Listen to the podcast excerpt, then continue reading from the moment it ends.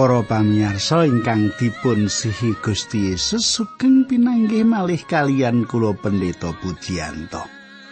Kados padatan kula badhe sesarengan kalian panjenengan wonten ing salebetipun adicara margi utami. Kados pundi pawartos panjenengan kadang kula menapa panjenengan dipun berkahi Gusti ing wanci menika? Menapa panjenengan samenika bingah kahananipun? Ah inggih. Pandonga kula kados makaten menika menawi panjenengan samenika nembe wonten ing kahanan ingkang sisa. Inggih, kedah sabar nggih. Temtu mboten sadangunipun to sisa menika. Mangke Gusti badhe paring pitulungan dumateng panjenengan para pamirsa. Kados padatan kula ngaturaken dumateng panjenengan bilih adicara margi utami menika. Kulo nderekaken panjenengan sinau kayektosan kitab suci lan ugi nderekaken panjenengan supados nyemak saben kayektosan kayektosan ingkang wonten ing salebetipun kitab suci. Pengajeng-ajeng kula supados menapa ingkang kula aturaken menika panjenengan pikantuk berkah kegiatan lan panglipuran lan ugi wonten paidahipun wonten ing gesang panjenengan. Sugeng midhangetaken adicara menika.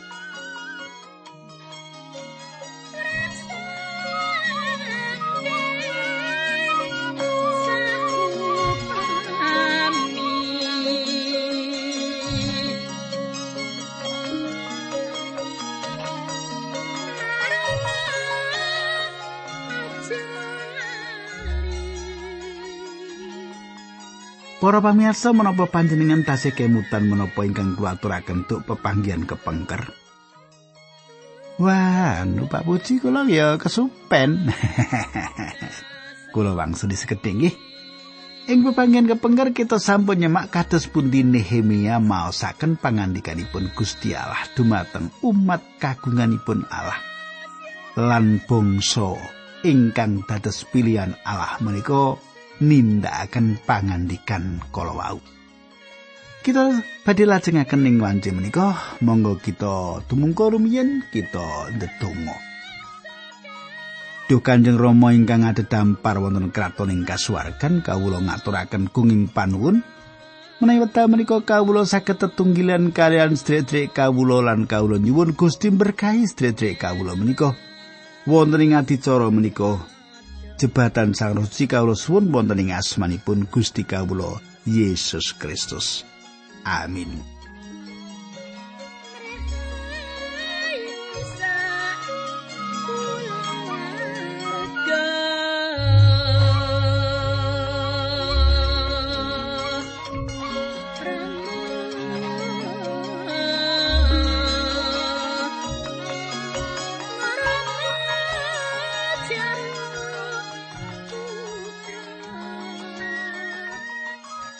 Para pamiyarsa. Samenika pasinon kita lumebet ing kitab Nehemia bab 9. Samenika monggo kita sinau tembung kebangunan rohani secara gamblang nggih. Tembung menika satunggal tembung ingkang asring dipun tampi klintu. Tembung ingkang asring dipun tampi klintu. Tembung kebangunan rohani menika menika ateges mulihaken gesang lan kegiatan. Tembung menika ugi ateges wangsul dumateng kesadaran. Tembung menika ngarah dumateng gesang ingkang sampun wonten ingkang ical, malah kala-kala ngantos pecah. Nanging salajengipun wonten malih. Paulus ngendika kekayutan wungunipun Sang Kristus ing salebetipun Rom kawan ayat songo. Piyambakipun ngandika bilih Sang Kristus wungu malih. Sebab yo iku kang dikarsakake anggone Sang Kristus sedo sarta wungu meneh supaya panjenengane jumenenga Gustine wong mati lan wong urip. Menapa ingkang dipun ngendikaken Paulus menika satunggalipun cara ngginakaken tembung kebangunan rohani ingkang sae. Para pamirsa. Cetha anggenipun ngginakaken tembung kebangunan rohani namung winates kangge tiyang pitados kemawon. Nanging kula yakin bilih saperangan kathah saking panjenengan sampun manggihaken bilih tembung menika sampun dipun jembaraken ing maknanipun kanthi makaten ngarah dumateng tiang-tiang ingkang sowan dumateng Sang Kristus. Sayektosipun ingkang setunggal gumantung dumateng ingkang sanesipun. Panjenengan boten saged nate nglampahi satunggalipun jaman ingkang saged nuntun jiwa-jiwa kajawi umat kagunganipun Allah nglampahi kebangunan rohani. Ing salebetipun pasal menika kita badhe ningali satunggalipun jaman kebangunan rohani sesampunipun pamaosan pangandikanipun Allah. pamausan menika saged ugi terus lumampah sedangunipun jaman tertamtu pinten tangunipun kula mangertos Esra sang ahli Torat mau saking mimbaring caketipun gapura toyo lan tiang-tiang nangis lan prihatos para pamiyarsa Pamausan menika anda tengaken daya pengaruh ingkang ngedapi-dapi dumateng tiang ing wedas manten lan mimpin tiang-tiang menika nindakaken perkawis-perkawis tertamtu. Tiang-tiang menika imut bilih kados menapa tepipun kalian ukuran ingkang dipun tetepaken Gusti Allah kangge kesangipun. Kita perlu imut bilih mboten bakal dumados kebangunan rohani pinisah kalian pangandikanipun Gusti Allah. Kulo gadah pengajeng-ajeng para penginjil jaman-jaman iku badhe langkung kathah ngatosaken kangge mucalaken kitab suci ketimbang alasan metode, alasan rerasan, alasan doyo, tarik perasaan, lan keagungan ingkang sanes dados tondo-tondo satunggalipun kebangunan rohani. Panjenengan katosaken menapa ingkang dipun tindakaken Gusti Allah dumateng tiang-tiang menika. Nehemia songo ayat setunggalan kalih. Ing tanggal 24 sasi iku uga wong Israel padha nglumpuk lan puasa kalawan menganggo sandangan prihatin sarta sirai kawur-wuran lemah. Turune wong Israel padha misah saka ing sarupaning wong liya bangsa tumuli padha ngadeg kambi ngakoni dosane tuwin paneraing para leluhuri. Para pamirsa, tiang-tiang menika ngakeni dosa-dosanipun lan dosa-dosa leluhuripun. Kula lajengaken ayat 3. Nalika padha ngadeg iku banjur diwacake perangan-peranganing kitab Torat Sang Yehuwah Gusti Allah. Seprapat dina suwene sarta seprapat dina meneh padha ngakoni dosane lan sumungkem sujud nyembah marang Sang Yehuwah Gusti Allah. Kadang kula Pangandikanipun Gusti Allah maratelaken dumateng tiang-tiang gegayutan dosanipun. Poso rasukan prihatos lan awu ngatingalaken kajujuranipun. Sasampunipun menika tiang-tiang menika nindakaken pengaken dosa lan pangibadah. Ing jaman samenika turunan ingkang langkung enem asikap kritis dumateng tiang-tiang ingkang langkung sepuh. Menawi tiang-tiang menika mertobat dumateng pangandikanipun Allah, tiang-tiang menika badhe kecalan sikap kritisipun lan wiwit ngakeni kados menapa lebetipun anggen kita sampun gagal nanging ingkang kawitan pindah tiang-tiang menika badhe ngakeni dosa-dosanipun panjenengan lan kula mboten wonten ing kahanan menapa saderengipun panjenengan ngakeni dosa-dosa kita Menawi panjenengan boten rumaos pilih panjenengan gadah dosa menapa kemawon kangge dipunakeni, panjenengan perlu ngatosaken kanthi saestu pangandikanipun Allah. Bangsa Israel maos paugeran Torat seprapat dinten selajengipun bangsa Israel nindakaken menapa ingkang sampun dipun waos. Bangsa Israel ngakeni dosa-dosanipun. Panjenengan boten saged anda dosaken Gusti Allah kalenggahanipun sami kalian panjenengan. Kathah kathah tiang budidaya nindakaken menika sedaya. Panjenengan ugi mboten saged nggayuh tingkat kasampurnan ingkang badhe nuntun panjenengan derajat ingkang dados kagunganipun Gusti Allah. menawi panjenengan sanjang pilih panjenengan saged nindakaken pramila panjenengan sampun ngapusi badan piyambak kula mboten sanjang perkawis menika kitab suci ngendikaken makaten saumpama kita padha ngaku ora duwe dosa dadi padha ngapusi awak kita dhewe lan ora kadunungan kayekten Menawa kita padha ngakoni dosa kita, panjenengan iku setya tuhulan adil temah bakal ngapura saking dosa kita sarta ngresiki saking piolo kita. Setunggal Yohanes, setunggal ayat wolu lan songo. Para. Menawi panjenengan maos pangandikanipun Gusti Allah, panjenengan badhe ngrumaosi pilih panjenengan tiang ingkang dosa.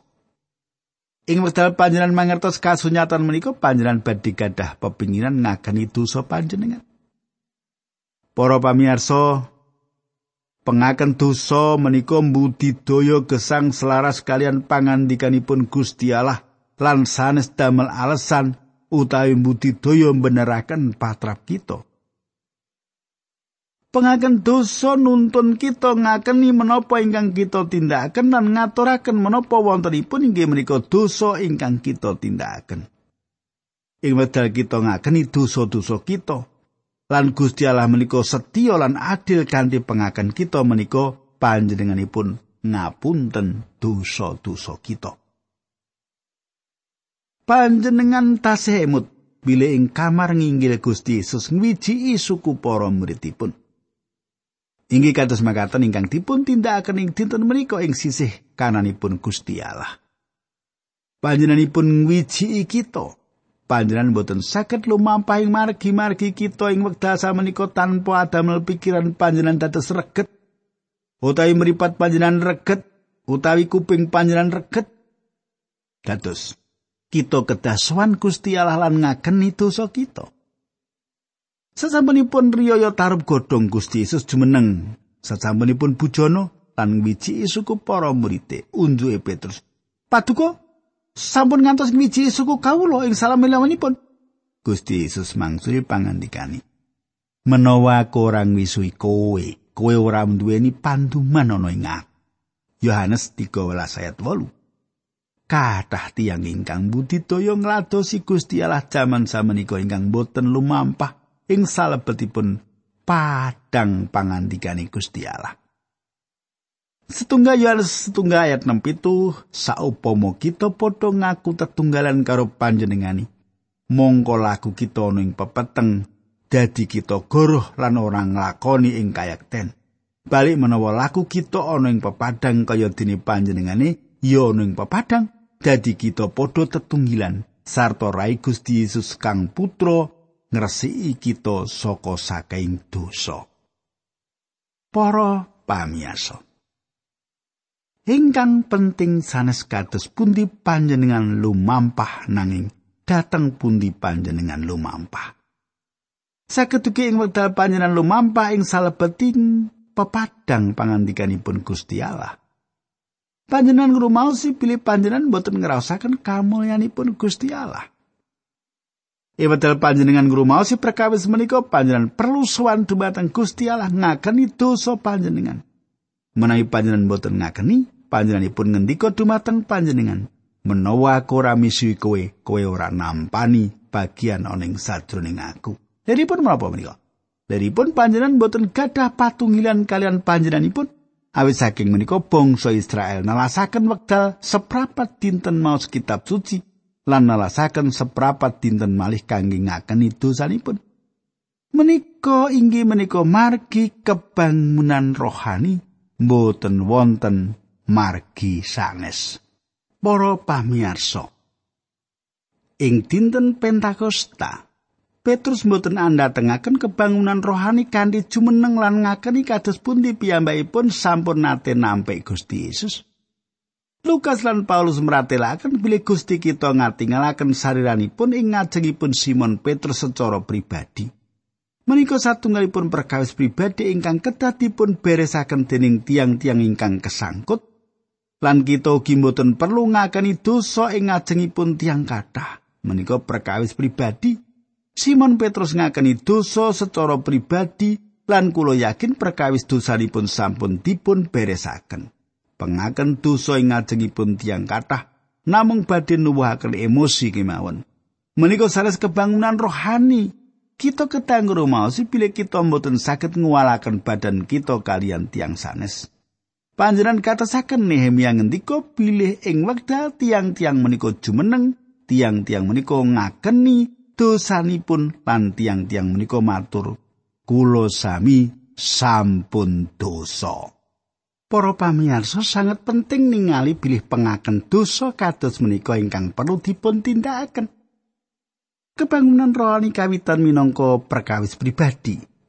Sak mbotenipun Elia inggih menika tiyang ingkang saged ngawontenaken kebangunan rohani piyambakan.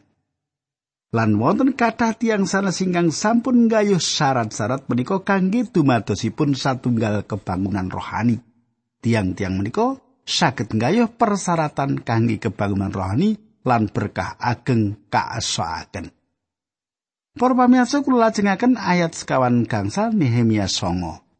Yesua, Bani Katmiel, Sebo, Bumi, Sarebia, Bani lan Kenani padha ngatekoning unda-undane wong Lewi sarta padha sesambet marang Sang Yewah Gusti Allah kalawan swara-swara.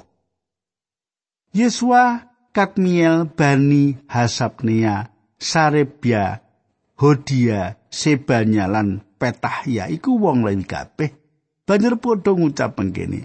padha ngadeka sausa puji marang Sang Yewah Gusti Allahmu langgeng ing salawase.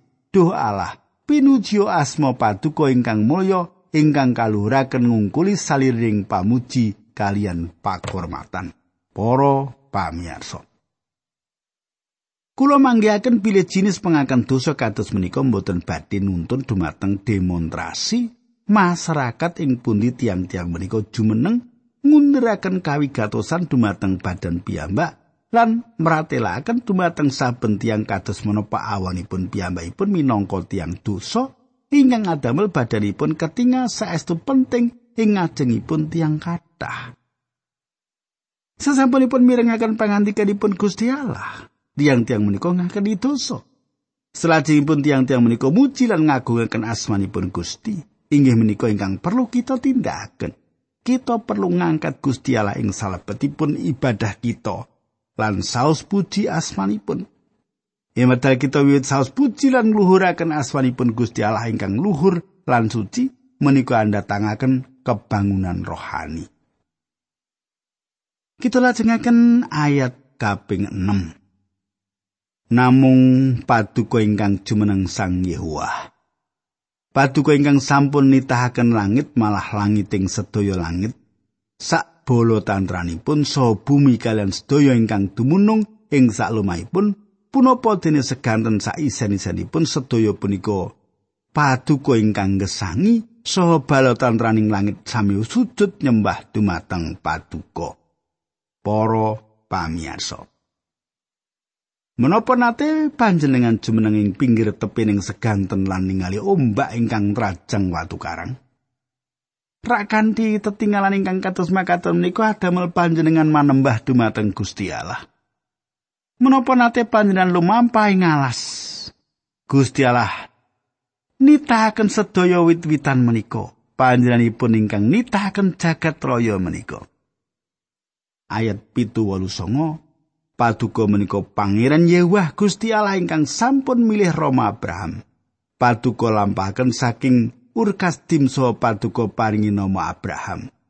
Paduka ningani pilih manahipun setya tuhu wonten ing ngarsa Paduka. Sarta Paduka damel prasetya kalian piyambakipun pilih badhe Paduka paringi tanahipun tiang Kanaan, tiang Het, tiang Amori, tiang Peris, tiang Yebus, sarta tiang Gergasi kaparingaken dhateng turunipun lan paduka inggih netepi pangandikan paduka margi paduka menika asipat leres. Paduka ngudaneni kesrakatipun para luhur kawula wonten ing tanah Mesir saha miyarsakaken pesambatipun wonten ing pinggiripun seganten Taberau. Paduka nindakaken pratandha kalian kaeloan wonten ing ngarsanipun Prabu Prengon sak bunggawanipun sedaya tuwin rakyat ing negaripun amargi paduka mirsa anggenipun atindak gumunggung wonten ing ngajengipun para luhur wau margi saking menika paduka andadosaken misuwuripun asma paduka bab menika ugi kacihna ing dinten menika para pamirsa Tiang Israel ngluhuraken Gusti Allah awit panjenenganipun sampun nuntun leluhuripun ing jaman kepengker.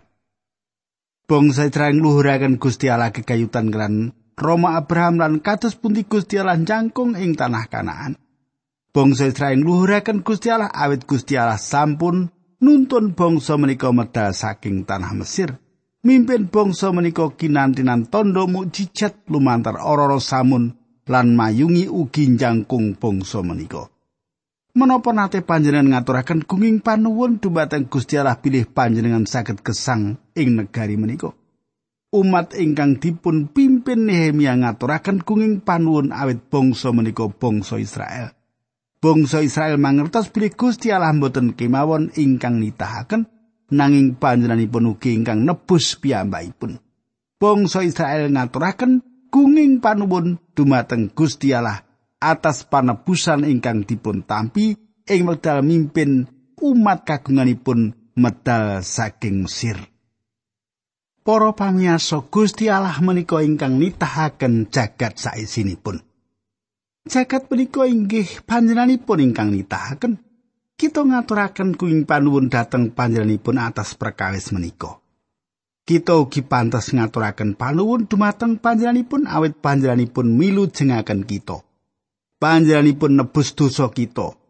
Menapa panjenengan sampun matur bilih panjenengan resnani panjenenganipun? Ing pundi kemawon panjenengan manggen, panjenengan saged ngluhuraken Gusti Allah awit berkah ingkang tumurun dumateng panjenengan. Panjenengan menika ingkang nitahaken jagat raya. panjenenganipun maringi dumateng kula samukawis ingkang asipat ketinggalan jasmani. Gusti Allah ugi sampun milu jengaken kula. Tiang ingkang dosa. Kados menapa kula ngaturaken panuwun dumateng panjenenganipun awit saking sedaya menika kados menapa nggumunaken panjenenganipun menika katang kula. Samenika ayat 3 dosa sekawan ngantos 3 dosa kangsa. Dalasan para ratu kawula, para pengageng kawula sarta para imam kawula, punapa dene para luhur kawula sami nglirwakaken angger-angger paduka. Sami mboten ngestakaken dhateng dawuh sapa pengen paduka ingkang paduka paringaken. Ing salebetipun jumeneng ratu sami mboten ngabekti dumateng paduka. Senajan paduka sampun maringi kanugrahan kathah, so nyawisaken tanah ingkang jembar lan loh. so sami mboten purun bertobat so nilar pendamelanipun ingkang awon. Para pamirsa, panjenengan katosaken kados pundi Gusti Allah berkahi bangsa Israel. Nanging para raja, pangeran, imam lan para bapa bangsa menika mboten bangun turut dawuh-dawuhipun Gusti Allah. Tiang-tiang dosa lan kita ugi terus wonten ing endutipun dosa. Ngantos pinten tangunipun kesabaranipun Gusti Allah menika? Ngantos pinten tangunipun kesabaranipun Allah menika saged dipun tahan? Para pamirsa kita lajengaken ayat 3 dosa 6. Lan ing wekdal samenika kawula sami dados abdi tumbasan. Monggo wonten ing salebetipun tanah ingkang paduka paringaken dhateng para luhur kawula amrih sami ngraosaken woh so kasugianipun nanging kawula menika sami dados abdi tumbasan. Para pamirsa, Bangsa Israel mangertos bilih paukumanipun Gusti Allah nempuh bangsa Israel menika. Menapa paukumanipun Gusti Allah menika ugi badhe nempuh bangsa kita? Kula pikir kita mboten saged ngindani paukuman menika. Ayat 3 dosa pitu lan 3 dosa walu. Tanah menika kathah pamedalipun tumrap ratu-ratu ingkang paduka kuwaosaken ngerah kawula. Margi saking dosa kawula, para ratu menika sami ngereh kawula so raja kaya kawula kanthi sawenang-wenang temahan kawula sami nandang karibetan ageng. Ada dasar iki mau kabeh aku banjur padha nganakake perjanjian kang kenceng kang padha ndak tulis sarta kaacapan dening para panggedheku, para wong Lewi lan para imamku. Kadang kula tembung perjanjian badhe kita tingali ing pasal salajengipun. Lan saben pemimpin bangsa dipun suwun supados nempelaken metre pribadi ing perjanjian menika. rakyat mutusaken bangun turut pangandikanipun Gusti Allah. Perjanjian jinis menapa ingkang sampun panjenengan tindakaken kalian Gusti Allah? Kulo nate miring tiang sanjang pilih tiang-tiang menika mboten badhe nanda tangani perjanjian menapa kemawon awit tiang-tiang menika saged ugi mboten saged nindakaken perjanjian menika. Nanging menawi panjenengan tumbas griya utawi menapa kemawon ing pundi panjenengan kedah bayar tiang-tiang badhe maksa panjenengan nanda tangani perjanjian. Kula mboten mangertos kenging menapa tiang purun tondo tangan menapa kemawon ing salebetipun kesangipun nanging piyambakipun mboten purun ngawontenaken perjanjian kalian Gusti Allah. Menawi panjenengan tumemen panjenengan janji kalian Gusti Allah Sang Rama. Kathah tiang ingkang sampun nguciwani panjenenganipun nanging panjenenganipun tetep kebak sih kadarman. Monggo kita ndedonga. Kanjeng Rama ing swarga kawula ngaturaken kenging panuwun menawi wekdal menika kawula saged tetunggilan kalian sedherek-sedherek kawula. Kawula nyuwun sepatus berkah paduka lumuntur dhateng sedherek-sedherek kawula menika linambaran asmanipun Gusti Yesus kawula ndedonga haleluya amin.